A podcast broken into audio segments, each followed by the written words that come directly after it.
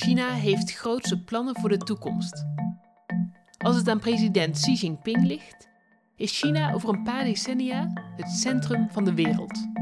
Dus terwijl de Amerikanen en de Europeanen zo met hun eigen gedoe bezig zijn, bouwt China gestaag door aan zijn economische groei en internationale macht. Wat betekenen de doelen van Xi voor de Chinezen en voor ons? Je hoort het in De Rode Draad. Een podcast van VPRO's Bureau Buitenland en NPO Radio 1. Vanaf eind december in je podcast-app.